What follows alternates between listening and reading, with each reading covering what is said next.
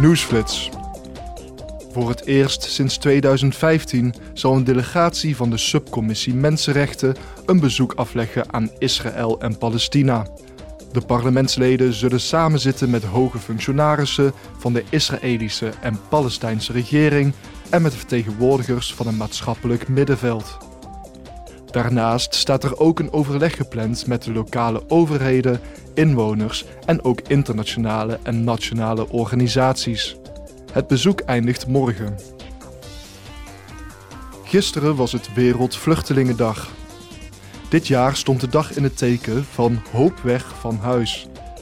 Volgens schattingen van de Verenigde Naties zullen er in 2023 wereldwijd meer dan 117 miljoen mensen gedwongen ontheemd of staatloos zijn. 30 miljoen mensen daarvan zijn vluchtelingen. Veel ontheemden vragen bescherming aan in de EU. Ongeveer 400.000 asielzoekers in de EU kregen afgelopen jaar deze bescherming ook. Dit jaar hebben 17 lidstaten toegezegd om te voorzien in ruim 29.000 plaatsen voor de hervestiging en toelating op humanitaire gronden van ontheemden en vluchtelingen.